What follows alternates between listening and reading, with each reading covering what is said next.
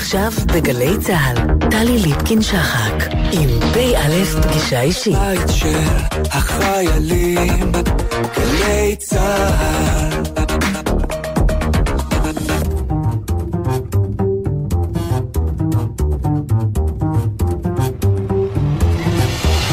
שלום לכם, שבוע טוב לכם. פא' פגישה אישית משולשת במוצאי שבת בסופו של שבוע רב תהפוכות וטעון רגשית על סיפו של שבוע חדש טעון לא פחות. כמו סופה סוחפת שאחריתה מי ישורנה, או כמו מערבל תיקון גדול שאפשר כי נצא ממנו אחרים יותר, קשובים יותר, נכונים יותר אדם לראותו. פא' פגישה אישית משולשת, מתחילים.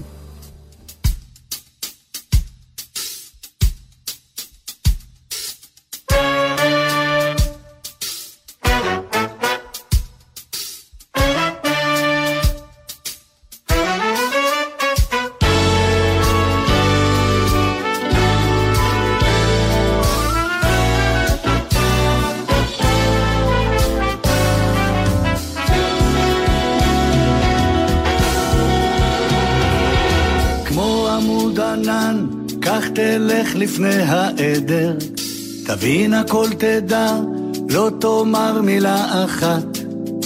כמו עמוד עשן תיעלם בתוך החדר, משהו בך יאמר לך המשך בדרכך.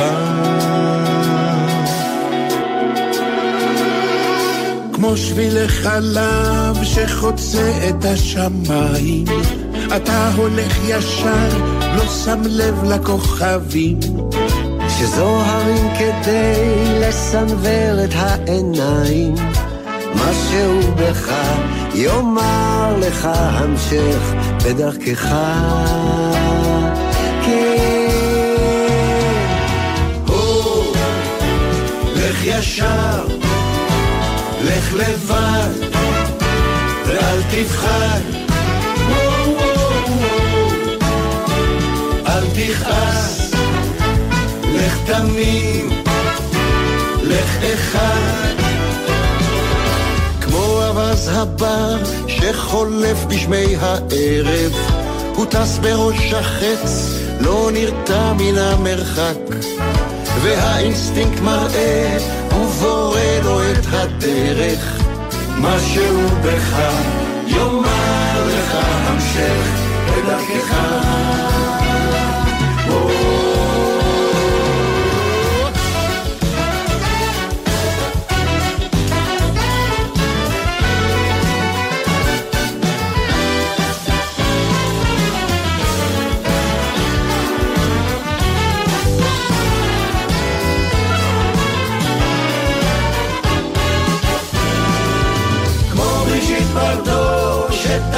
כבר את העסק, השאירה מאחור את הטוב ואת הרע. ועל העניינים היא צופה מן המרפסת, משהו בך יאמר לך הסק. בלי להתכוון, תן לעצמך ללכת. כל החישובים ייגמרו מעליהם.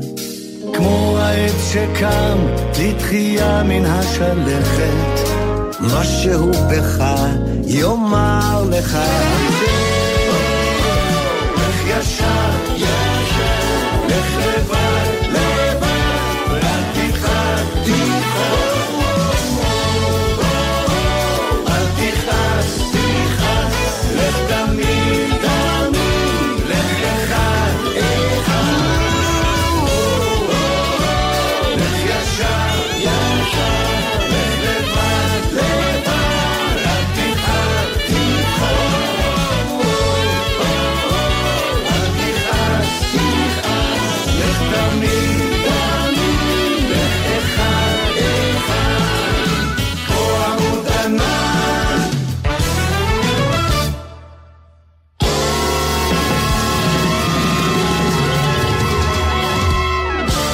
אנחנו פותחים ביום הבינלאומי לאיכות הסביבה שמצוין היום. פרופסור נורית כרמי, ראש חטיבת קיימות במכללת תל חי, שלום לך. שלום רב. האם אמנם אפשר להגיד בשביעות רצון, מסוימת לפחות, שאיכות הסביבה וקיימות הם עניין שעוסקים בו? וואו, אני, אני בטוח יותר ויותר, וטוב, הדוגמה של התוכנית הזאת היא, היא מצוינת. אבל באופן כללי על סדר היום הציבורי זה פחות ופחות תופס מקום, ואפשר לראות את זה אפילו בימים האלה, כשיש uh, דיונים על מה חשוב לחברה ומה לא, ולפי מה uh, בוחרים את המנהיגים שלנו. הציבור מתעניין באיכות הסביבה יותר מאשר הפוליטיקאים שלו, והעובדה שהפוליטיקאים לא שמים את זה בראש סדר היום מעיד אולי על מיעוט קשב של הדרג הפוליטי לדעת הקהל.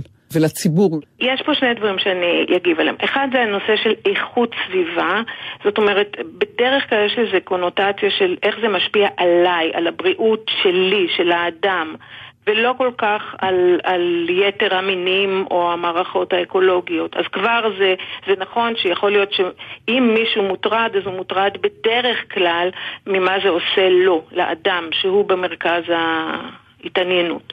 דבר שני, אני לא בטוחה שזה כל כך נכון להגיד שהציבור, משום שאנחנו אנחנו בתוך איזושהי בועה באמת של הלוואי והיה אה, ציבור יותר רחב שזה מה שהיה מעניין אותו.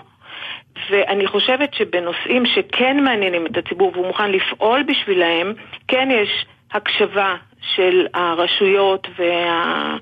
ו... ואז באמת אפשר לראות פעולה. אז אני חושבת שזה לא מספיק, ואני חושבת שאם היה אה, פעולות אקטיביות יותר מצד ציבור רחב יותר, אה, כן היה יכול להיות אה, תגובה מלמעלה.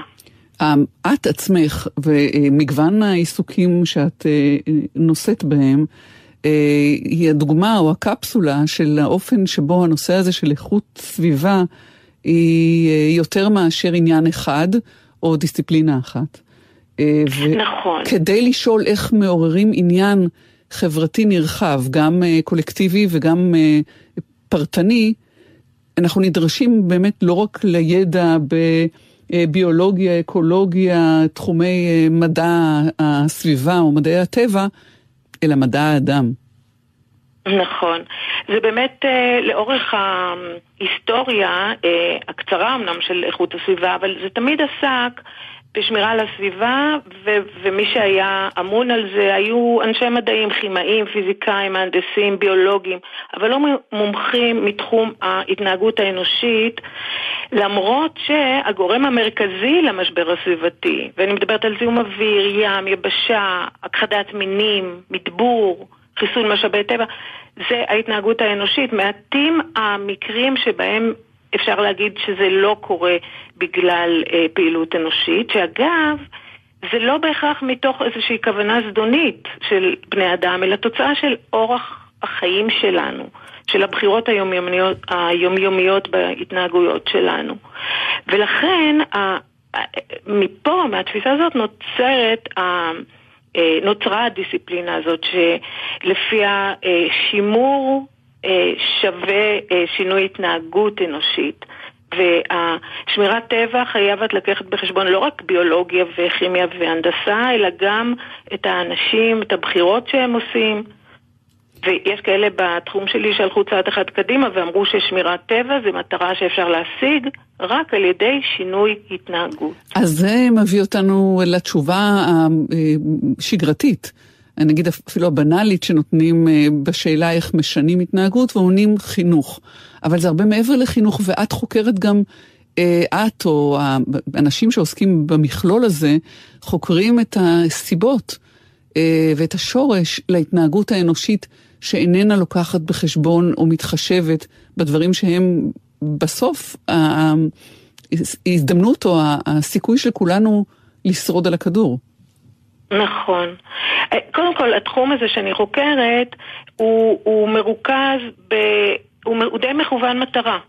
וזה חיפוש דרכים לעודד התנהגויות אה, ידידותיות לסביבה. ונכון שחינוך זה אחד הדברים, אבל לא רק. אה, הדבר הראשון, וזה בזה המחקר שלי מתמקד, זה להבין למה אנחנו מתנהגים אה, בצורה שפוגעת או בצורה שמיטיבה עם הסביבה. איזה דברים בטבע שלנו גורמים לנו אה, להתנהג בצורה אה, מיטיבה או, או מריעה לסביבה. ופה זה גם ללמוד, זה די קשור למה משפיע על ההתנהגות שלנו באופן כללי, לאו דווקא בהקשר הסביבתי. מה גילית? אבל הרבה דברים בטבע האנושי אלה הטיות שהם, אפשר להגיד שהם הביאו אותנו עד הלום. למשל, אה, אחד מהדברים שמאפיינים אותנו זה אה, קוצר ראייה. זאת אומרת שאם היום אני בסדר, אז זה לא דורש ממני שום היערכות לעתיד. וזה גם בא לידי ביטוי לא רק בתחום הסביבה, אלא גם בתחומים אחרים, כמו חיסכון לגיל הפנסיה, או שמירה על הבריאות שלנו. וההשלכה הסביבתית של זה, זה שאורח החיים שלנו ברור שהוא לא יוכל אה, להמשיך לאורך זמן.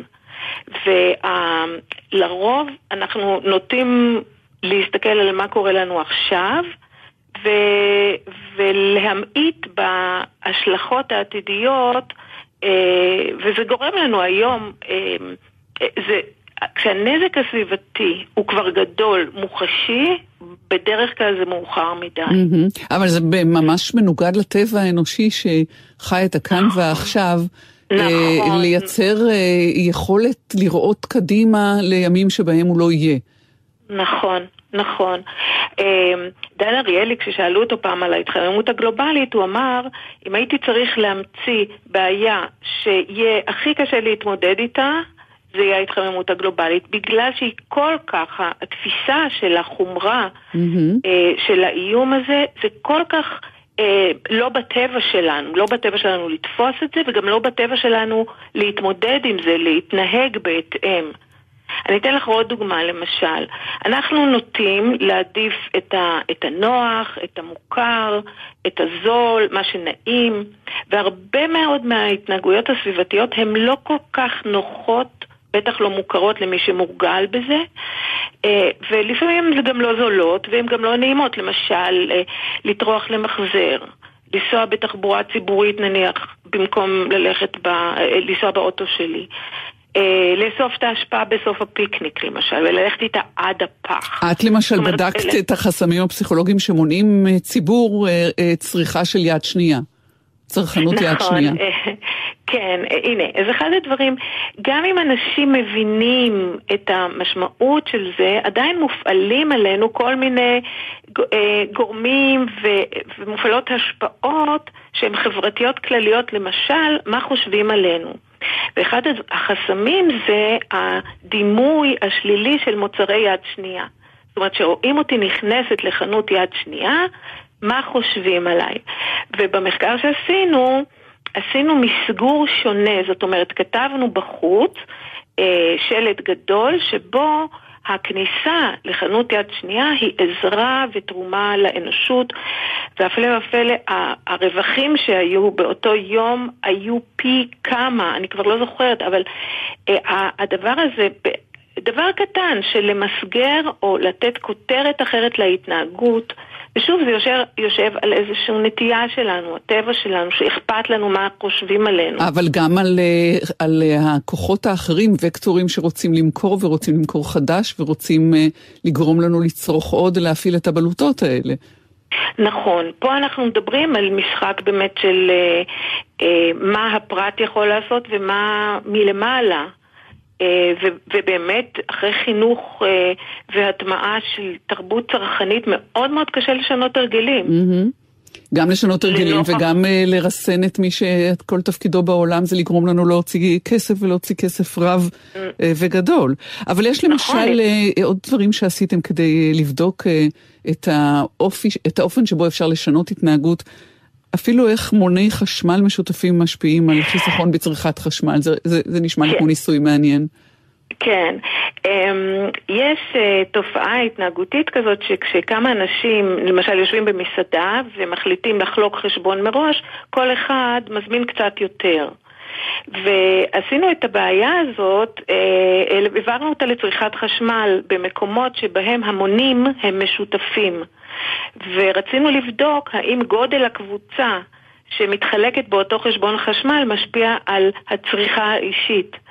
וראינו שעשינו את זה במעונות סטודנטים שבהם אה, זה היה מאוד נוח כי זה אותן דירות, אותם מספר אה, אה, תושבים, אותו אבזור חשמל, אותו מבנה וכולי. אותם צרכים מן הסתם.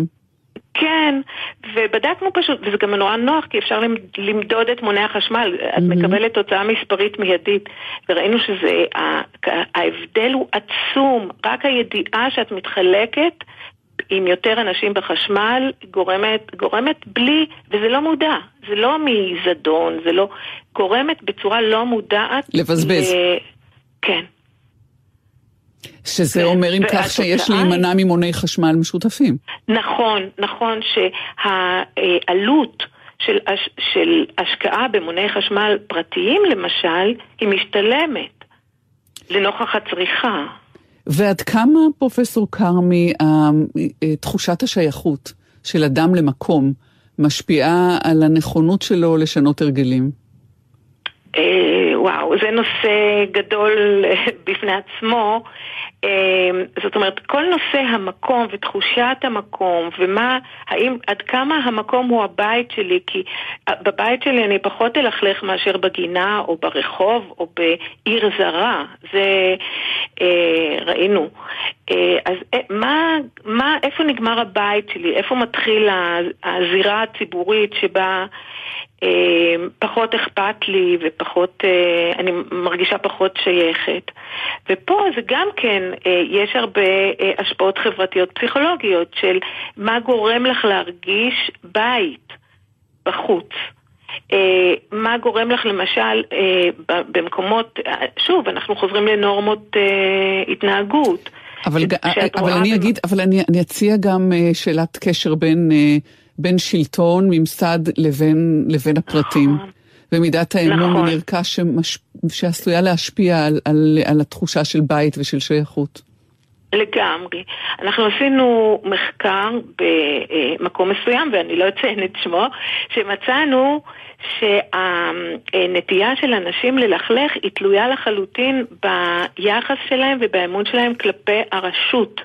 זאת אומרת, הם השתמשו בסביבה ובשטחים הציבוריים כזירה ל... אמ, להפגין את החוסר שביעות רצון שלהם מהרשויות. Mm-hmm. ו... וזה היה מדהים, בעצם ש... שהבעיות הסביבתיות שנבעו שם, הזיהום, שלמעשה אנחנו באנו מתוך אה, חרדה למינים שם ש, שנמצאים, שהם, נמצא, שהם מאוימים על ידי הזיהום הסביבתי. זאת אומרת, ושימור טבע לחלוטין, וגמרנו עם אה, מסקנה שהעניין הוא חברתי לחלוטין. וזה אולי מביא אותנו לחלק האחרון של השיחה שיכולנו להמשיך בה עוד ועוד, והיא אה, גודל האוכלוסייה. הצפיפות. פה את, את נוגעת בפרה קדושה, משום ש... אמ, זה, זה מדהים עד כמה אה, כל השיחות והדיונים הציבוריים עוסקים ב, בצורך להפחית אה, צריכה ולמצוא אה, פתרונות אה, טכניים, אבל אף אחד לא מדבר על הנושא של הגידול אוכלוסייה, ולמעשה האימפקט הסביבתי השלילי של האדם הוא פונקציה של שני דברים, של גודל אוכלוסייה ושל כמה כל אחד צורך. וזה כמו להגיד שלהתעלם אמ, מהאחד ולהתייחס רק לשני זה, זה, זה פשוט אה, התעלמות מאיזשהו פיל שנמצא בחדר. זה קצת אה, כלים שלובים, ככל שתגדל האוכלוסייה. נד, נצפה שיצרכו פחות. אני נזכיר שבסין רק השבוע העבירו אה, תקנה חדשה כן. שמגבילה עוד את הילודה שם. כן, ותראי איזה, איזה יחס זה מקבל מהדמוקרטיות. זאת אומרת, אה, זה, זה שוב, זה מעלה עד כמה מדובר פה בנושא רגיש, משום שלדבר על, על מיתון העלייה בגודל אוכלוסייה, הוא, הוא נוגע בכל כך הרבה אה, חסמים, רק, עוד רק בשלב של להעלות אותו לדיון ציבורי.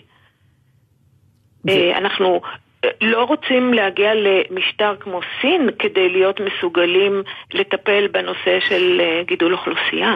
הנה, עם, ה, עם הקריאה הזאת, אולי נצטרך אה, להיפרד אה, ממך, אה, פרופסור נורית כרמי, ראש חטיבת אה, קיימות במכללת תל חי, את גם חברה בפורום צפוף, בהמשך נכון. אה, אה, למה שאמרנו עכשיו של אוניברסיטת אה, תל אביב.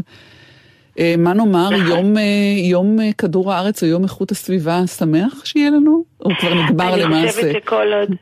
כן, אני חושבת שכל עוד אנחנו מדברים על זה, וזה טוב, זה מעורר תקווה. מודה לך מאוד על השיחה הזאת. תודה, שיהיה שבוע בשמחה. טוב. שלום. גם לך, ביי ביי.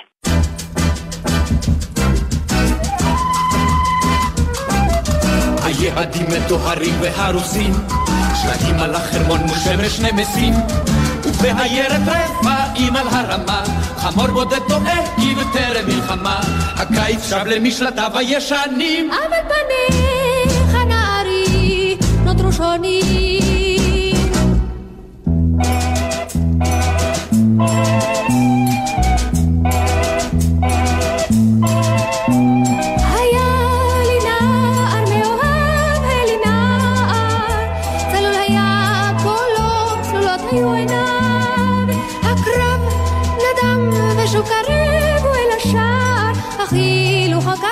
וחתומות פניו. אך הילוך הכבד וחתומות פניו. הווילונות הוסרו והנייר גורד, פקיד העירייה נעל את המקלט. שלוחות הדשא מטפסות ומעלות, ירוק טרי על צלקות התעלות, הרימונים חזרו לשוק לדוכנים. אבל פניך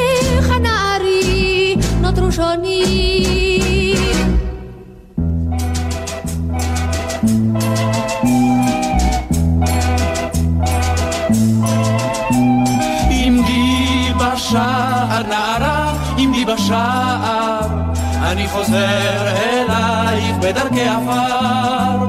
הייתי נער נערה, הייתי נער, עכשיו חייכי אליי מוכרת ויפה.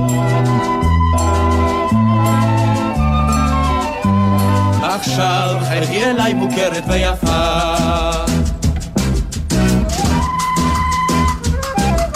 קילחנו בזקן, קיפלנו המדים, שתקנו סיסרי וקפה עם ידידים.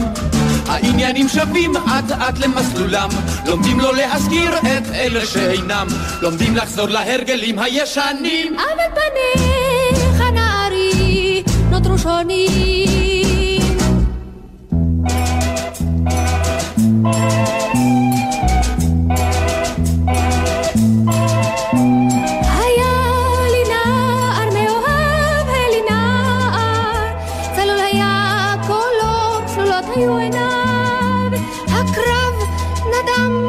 קרב הוא אל השער, אך הילוך הכבד וחתומות פניו.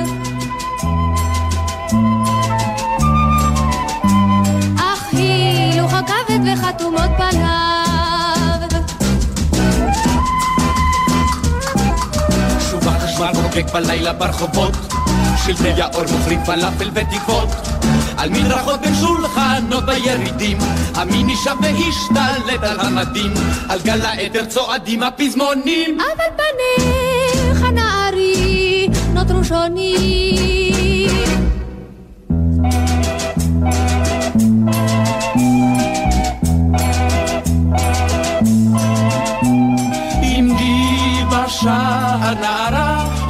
בשער, אני חוזר אלייך בדרכי עפר.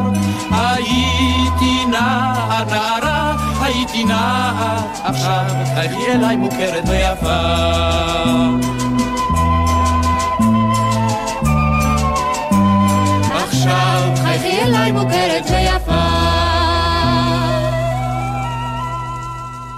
חמישה ביוני הוא היום הזה, 54 שנים למלחמת אה, ששת הימים. שלום לך, אלוף משנה במילואים דוקטור שאול אריאלי, שלום טלי. מומחה לסכסוך הישראלי-פלסטיני, ומחבר הספר "ככה בדיוק קרה?" סימן שאלה, 12 מיתוסים ישראלים על הסכסוך הישראלי-פלסטיני. נוסיף לזה אה, פרויקט שלך עם אה, מכון טרומן לשלום, של אטלס, אטלס הממפה את הסכסוך היהודי-ערבי. ונעמוד גם על נכון. ההבדלים בין השניים. הסכסוך הישראלי-פלסטיני והסכסוך היהודי-ערבי ביום השנה ה-54 למלחמת ששת הימים. תן כותרת. עשינו חצי צעד קדימה, בכך שהשבנו את הסכסוך לפחות עם שתי מדינות מרכזיות, אה, מצרים וירדן, ולצערי את עיקר הבעיה, וזה הנושא הפלסטיני, עדיין לא הצלחנו ליישב, ואנחנו לא מתקרבים לשם בשנים האחרונות. שוב לצערי. ועד כמה הספר שלך, שבודק את 12 המיתוסים הישראלים, תכף ניכנס אל אחדים מהם, אה, מקדם את פתרון הסכסוך, או לפחות את הבנתו? אחד הדברים המרכזיים כדי לקדם אה, איזשהו פתרון לסכסוך זה בעצם התודעה הציבורית או הלך הרוח הציבורי. ובמיתוסים אני בעצם מנסה להציב את התמונה השלמה, המלאה, הרי בכל מיתוס יש לנו גרעין של אמת, אבל לעיתים חצי אמת היא גם סוג של שקר. ולכן אני משלים את התמונה בסך אה, של עובדות אה, ונתונים ותהליכים שמאפשרים לנו לראות את התמונה בכללותה ולהבין שלא מדובר בצדיקים ורשעים אה, טובים ורעים, אלא תמונה מורכבת שנותנת בהיבטים מסוימים גם לגיטימציה לנרטיב של האחר, אבל בעיקר היא מאפשרת בדיקה פנימית שלנו כדי להבין כיצד העמדות שלנו אה, אה, נבנות ומתגבשות ועל בסיס מה אנחנו אה, בעצם מציעים את מה שאנחנו מציעים לפלסטינים. השאלה הראשונה המתבקשת היא, איך בחרת 12 מיתוסים? האמת שבמקור בחרתי 23 אה, מיתוסים, אבל כפי הנראה זה היה גדול מדי בשביל ספר אחד. ובחרתי 12 מיתוסים על הרצף הכרונולוגי אה, מתחילת הסכסוך, קרי כל מה שקשור להצהרת בלפור בסביבה, אה, כמו למשל עם ללא ארץ חוזר לארץ אה, ללא עם, או שעבר הירדן המזרחי נקרע מעלינו, ודרך המלחמות ישראל, כמו מעטים אה, מול רבים, וכלה במציאות העכשווית, כמו למשל ברק נתן הכל, או שנתניהו מאמין בפתרון שתי המדינות, או שירושלים מאוחדת. יש כאן רצף של זמן שאם מלווים כל מיתוס כזה, הוא נותן לנו רובד נוסף או חלק נוסף בפסיפס שמרכיב את התמונה ואת הנרטיב הציוני.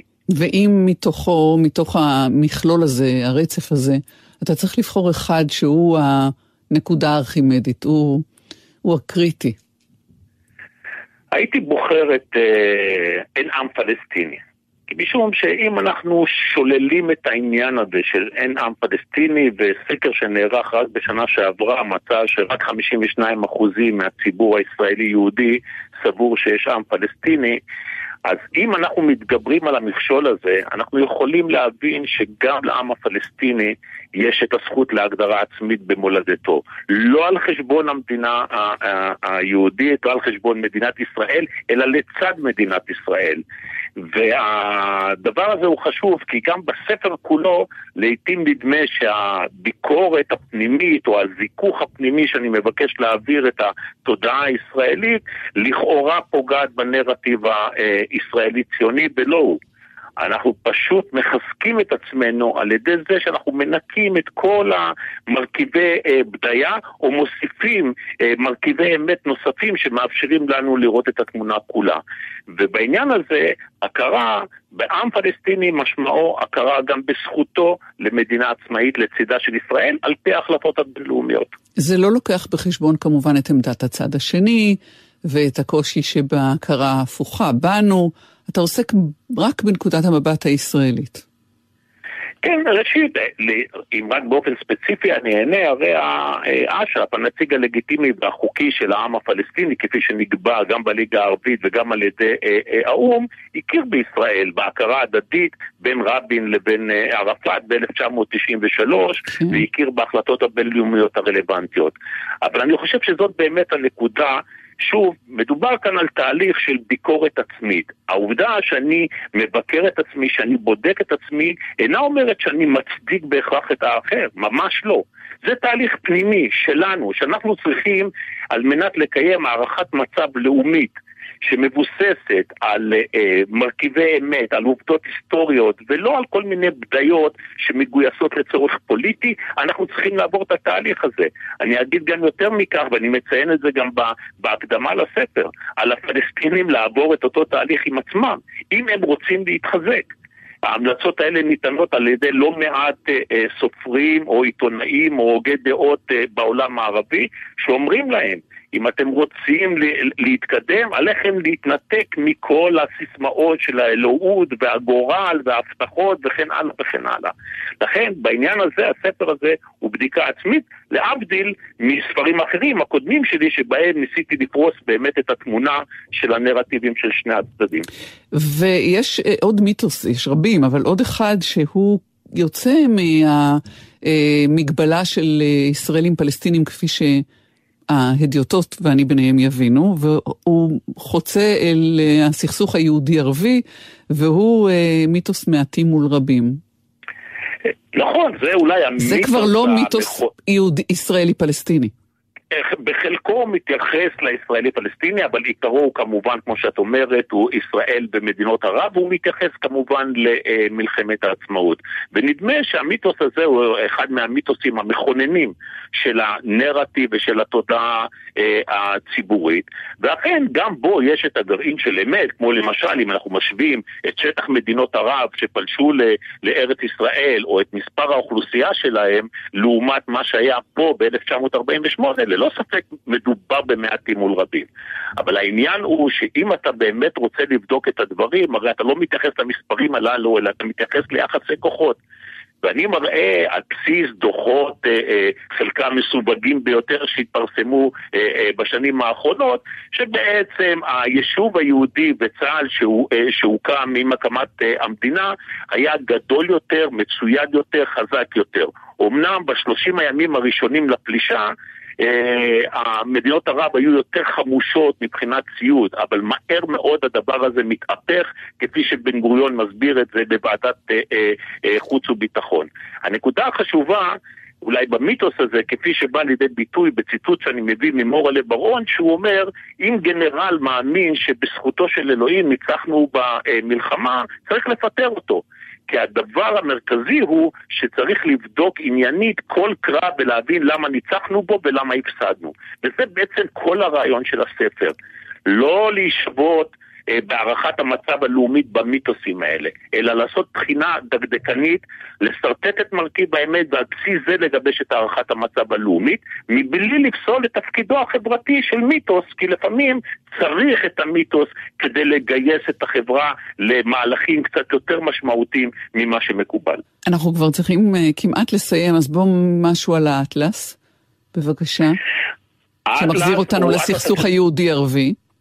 היהודי הערבי, כי הוא בעצם אה, מתייחס גם לטרם הקמת אה, אה, המדינה, ואנחנו רואים שם את המפות של חוסיין מקמאון, מפה שמתארת כמובן את הצהרת בלפור, כי בהצהרת בלפור לא הייתה מפה, וגם הסכמי השלום עם ירדן, עם מצרים, או הנסיגה החד צדדית מלבנון. הייחודיות של האטלס שבעצם הוא מאוד מאוד אה, מתומצת וקצר, בסך הכל ל-40 מפות, אבל הוא מספר את אבני הדרך המרכזיות של הסכסוך היהודי-ערבי, ובעצם אה, הוא הרי חינם, הוא יצא בשש שפות אה, אה, שונות. מטעם מכון טרומן לשלום. מטעם מכון טרומן, כן, והוא הופץ ממש בכל העולם, בעולם הערבי יש לו ממש היענות, אנחנו מדברים על הורדות בסדרי גודל של מאות אלפים כבר בשלב הזה, והרעיון היה שיהיה מונח לך על ה desktop במחשב, האטלס מכון טרומן, שבו אתה שומע משהו כמו ועדת פיל, החלטת החלוקה. אה, ועידת קמפ דויד, אתה צריך להיכנס בדיוק לכפולה הרלוונטית ולשמוע את הסיפור בקצרה, שאני באמת נצמד שם לעובדות, ללא פרשנות, ללא תוספות, אלא משתדל אה, אה, לתת את התמונה כפי שיכולה להיות מוסכמת על ידי כולם. ולשמחתי, יש היענות אדירה. לעניין הזה, והכי חשוב, אפשר להוריד אותו חינם, זה ללא תשלום. הרעיון הוא להנגיש את המידע הזה לציבור כדי שתהיה לו תמונה טובה יותר, אם אנחנו ממשיכים את הסיפור של הספר אה, אה, ככה בדיוק קרה. ובכך אה, נסתפק, חמישה ביוני, 54 שנים למלחמת ששת הימים, עוד רגע היום הזה נגמר. היום השביעי של מלחמת ששת הימים, יש יאמרו נמשך גם עכשיו. אלוף משנה מילואים, דוקטור שאול אריאלי, תודה רבה לך על השיחה הזאת, שלום. תודה רבה, טלי.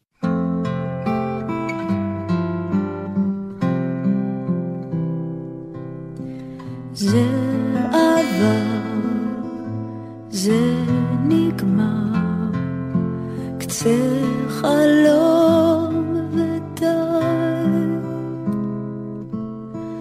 כל הזמן שנשר בין אצבעותיי.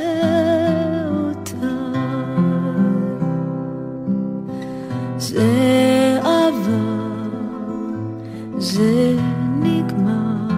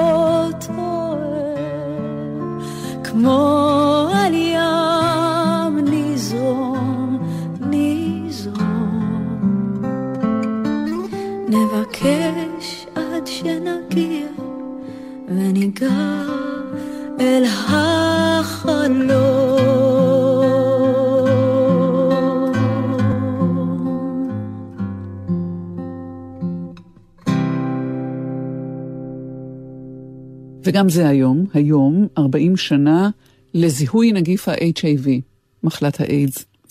שלום לך דוקטור איציק לוי, מנהל יחידת איידס ומחלות המועברות אה, במגע מיני במרכז הרפואי שיבא. ערב טוב. שלום רב, ערב טוב. רק תיקון אה, קטן, הנגיף התגלה למעשה עוד שנתיים, כן, לפני אה, 38 שנה. מה שמצוין בעצם היום, זה הפעם הראשונה שבה מתארים אנשים, גברים צעירים, גברים שמקיימים יחסי מין עם גברים, שלוקים בחלקם בדלקת ריאות מוזרה שלא הייתה שכיחה עד אז בנשים שאין להם דיכוי חיסוני, מצד שני באיזשהו סרטן עור אה, מוזר, קפושי סרקומה, ששוב לא תואר עד אז באנשים ללא דיכוי חיסוני, ואני חושב שזה בעצם מה שאנחנו מציינים היום. שזה מאמר ש, שהציב מראה בפני כל מי שביקשו אה, להתעלם אה, תופעה שהלכה ו, והתפשטה? אה, כאילו התופעה בעצם פעם ראשונה תוארה אז, במאמר הזה. זה בעצם היה דיווח של ה-CDC שמתאר את הדבר הזה, שאגב זה נורא מעניין גם איך בכלל הגיעו לזה.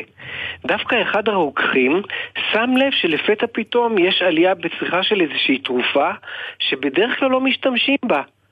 ואז הוא הלך לבדוק מה, מה, מה קרה פתאום, מה משתמשים פתאום בתרופה הזאת, והוא הבין שיש איזה עניין חדש, שיש אנשים צעירים ובריאים שלוקים בדלקת ריאות מסוג PCP. אה, באותו זמן אה, מייקל גוטליב, שהוא בעצם הרופא הראשון שתיאר את התופעה הזאת, אמר, אתה יודע מה, גם אצלי יש חמישה מקרים, ובניו יורק שמעתי שיש אנשים עם אה, אותה מחלת סרטן עור, כנראה שיש פה איזושהי מחלה של דיכוי חיסוני, כיוון שראו אותה רק בגברים שמקיימים יחסי מין עם גברים אז, קראו לה באופן היסטורי גריד, Gay-Related Immune Deficiency. Uh, כמובן שאחר כך הכל השתנה וראו שחולים בזה גם אנשים שמשתמשים בסמים, אנשים מהאיטי, ואז קראו לה בכלל The Triple H Disease, mm-hmm. המופיליה, uh, או 4H, המופילים, uh, אנשים מהאיטי, הומואים ומשתמשים בהרואין.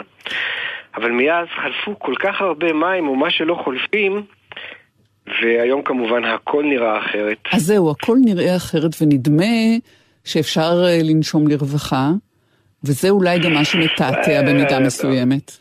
כן, כן, מאוד מתעתע. כי את יודעת, יש כרגע כ-40 מיליון נשאים בעולם.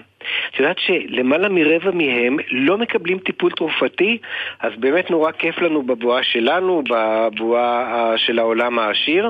את יודעת מה, אפילו בחלקים מסוימים של אפריקה, שאנשים מטופלים היום ויכולים לחיות uh, עד 120 או מה שייתן להם אילם, ואפילו באיכות חיים מצוינת.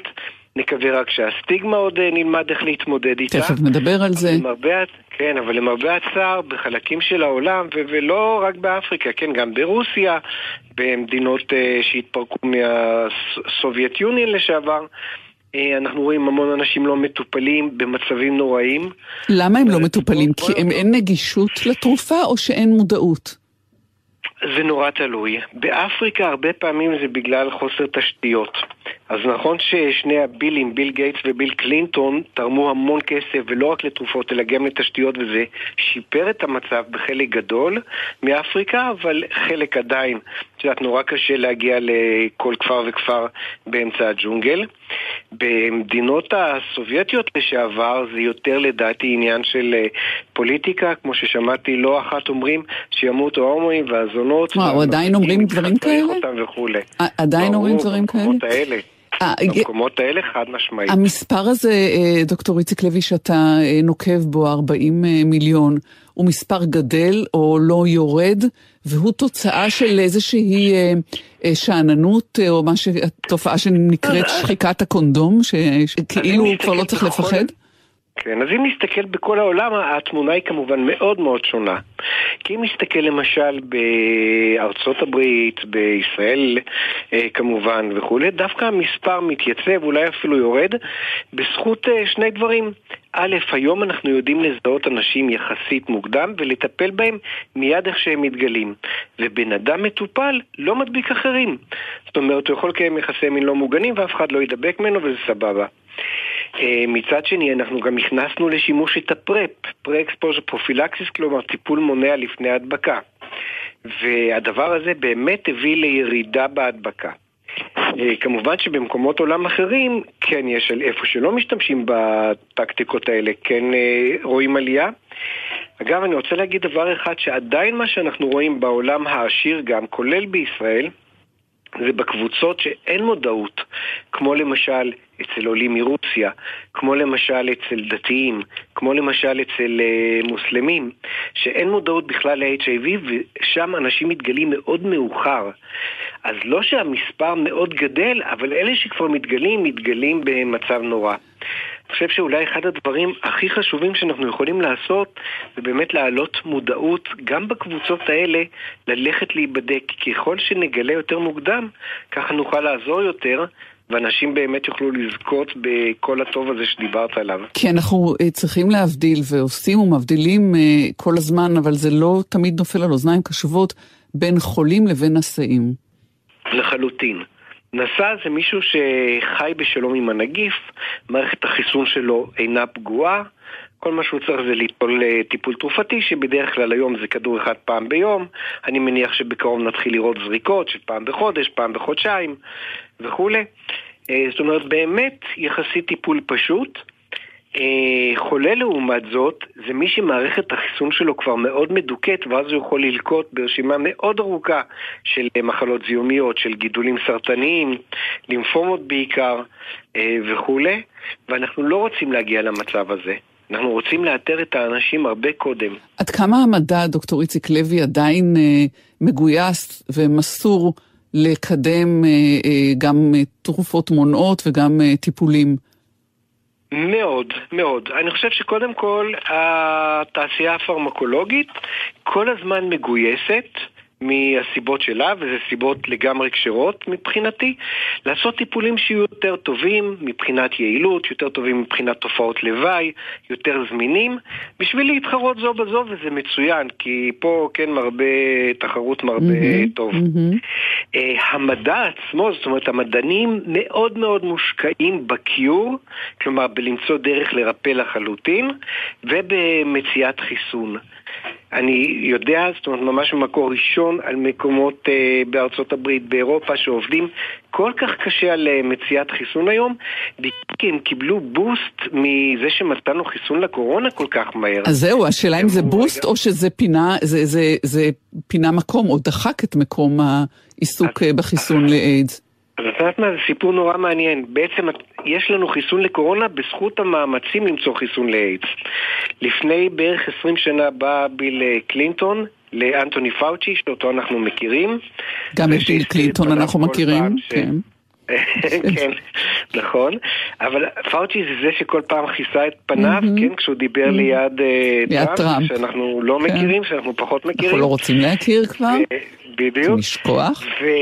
למעשה, לגמרי, למעשה לפני 20 שנה הוא בא ואמר לו, תשמע, אני מקים לך פה בניין, בניין שנקרא VRC, Vaccine Research Center, במרילנד, ב-NIH, אני נותן לך כסף, מדענים, מה שאתה רוצה תשים בבניין, אבל אתה מביא לנו עכשיו אה, חיסון אה, לאיידס, ל-HIV. הם עבדו המון המון שנים אה, לייצר את החיסון אה, ל-HIV.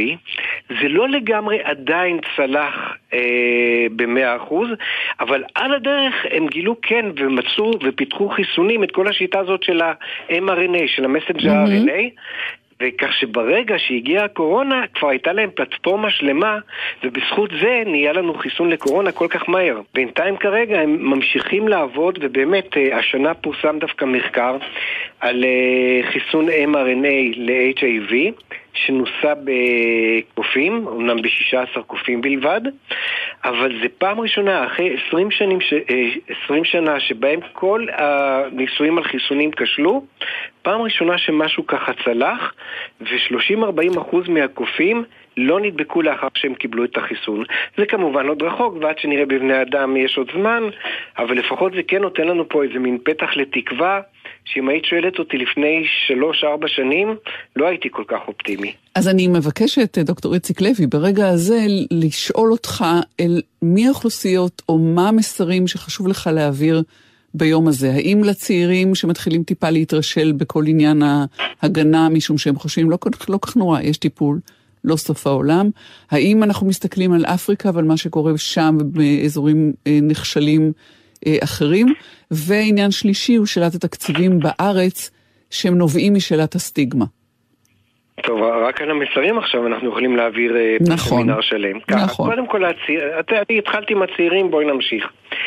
טוב להימנע מ-HIV, עם כל כמה שזה כן היום כיף לעומת לפני עשר שנים, והתרופות מצוינות, ואתם תחיו עד 120, ובעזרת השם גם הסטיגמה תרד והכל יהיה טוב, עדיין כמו שאמר לי עין, אחד המטופלים הצעירים שלי ממש לפני כמה ימים, הלוואי ולא הייתי נדבק ב-HIV. כי זה עדיין לקחת טיפול כל יום. עדיין לפעמים יש תופעות לוואי לחלק מהאנשים. עדיין, אם אתה רוצה לעשות כל מיני דברים, זה לא הכי ספונטני בעולם. למשל ילודה. אתה צריך לשקול, האם אני כבר undetectable, כלומר אין לי נגיף בדם ואני יכול לקיים יחסים לא מוגנים. אולי אני צריך לחשוב פעמיים מי תרצה לעשות איתי ילד וכולי. אז כל העול הזה חבל, מיותר. אה, יש היום הרבה דרכים להימנע מ-HIV. אה, קונדום זה אחד מהם, היתרון שלו שהוא גם מונע את כל מחלות המין האחרות שבעלייה מטורפת היום. אה, נטילת פרפ לאנשים בקבוצות סיכון יותר גבוהות, כמו גברים שמקיימים יחסי מין עם גברים. זאת אומרת, דברו על זה עם הרופאים שלכם, אה, דברו על זה עם הוועד למלחמה באיידס. יש עם מי לדבר ולקבל את כל העצות בנושא. זה עניין אחד. דיבר... אפריקה, בכותרת רק, כבר לא נשאר לנו זמן. עכשיו, אפריקה בכותרת, אני רוצה דווקא לדבר על האפריקאים שבתוכנו, על קבוצה גדולה מאוד של חסרי מעמד שמטופלים בישראל. ולמרבה הצער אין להם מעמד אזרחי, כך שאין להם קופת חולים, והם מקבלים תרופות נוראיות. שאפילו באפריקה כבר לא נותנים היום. ושוב, אני, בכל פעם שאני יכול, אני קורא למשרד הבריאות, ושוב אני קורא למשרד הבריאות, אנא, עזרו לנו לתת להם תרופות יותר טובות, כי אנחנו רואים פה אנשים באמת אה, מתים בייסורים. כואב הלב על כל אחד כזה. והסטיגמה? אה, לסיום. אה, עכשיו, לג... ולסיום לגבי הסטיגמה, את יודעת, סטיגמה זה נושא כל כך כבד. בעיקר מה שמפריע לי זה הסטיגמה שיש לאנשים על עצמם, לגבי עצמם. אה, ואני חושב שגם הוועד למלחמה באיידס, בוודאי החברה הישראלית בכלל, כמו שהיא צריכה להילחם בסטיגמה ב... כל נושא אחר כמעט בוודאי צריכה להילחם בסטיגמה של HIV. מחלה שהיום לא ניתן להידבק ממנה עם טיפה תשומת לב. מחלה שבוודאי אפשר לחיות איתה מצוין, עם טיפה תשומת לב. אין סיבה שתהיה עליה סטיגמה יותר מאשר אה, אה, על יתר לחץ דם או סוכרת, ולכן כשיש סטיגמה היא לא באמת על זה, היא על ההומואיות, היא על השימוש בסמים. אז יש לנו המון עבודה לעשות עדיין סביב הדבר הזה. המון עבודה. דוקטור איציק לוי, מנהל יחידת איידס ומחלות המועברות במגע מיני במרכז הרפואי שיבא, מודה לך מקרב לב. תמשיכו. תודה לך. שלום, תודה שבוע רבה. טוב.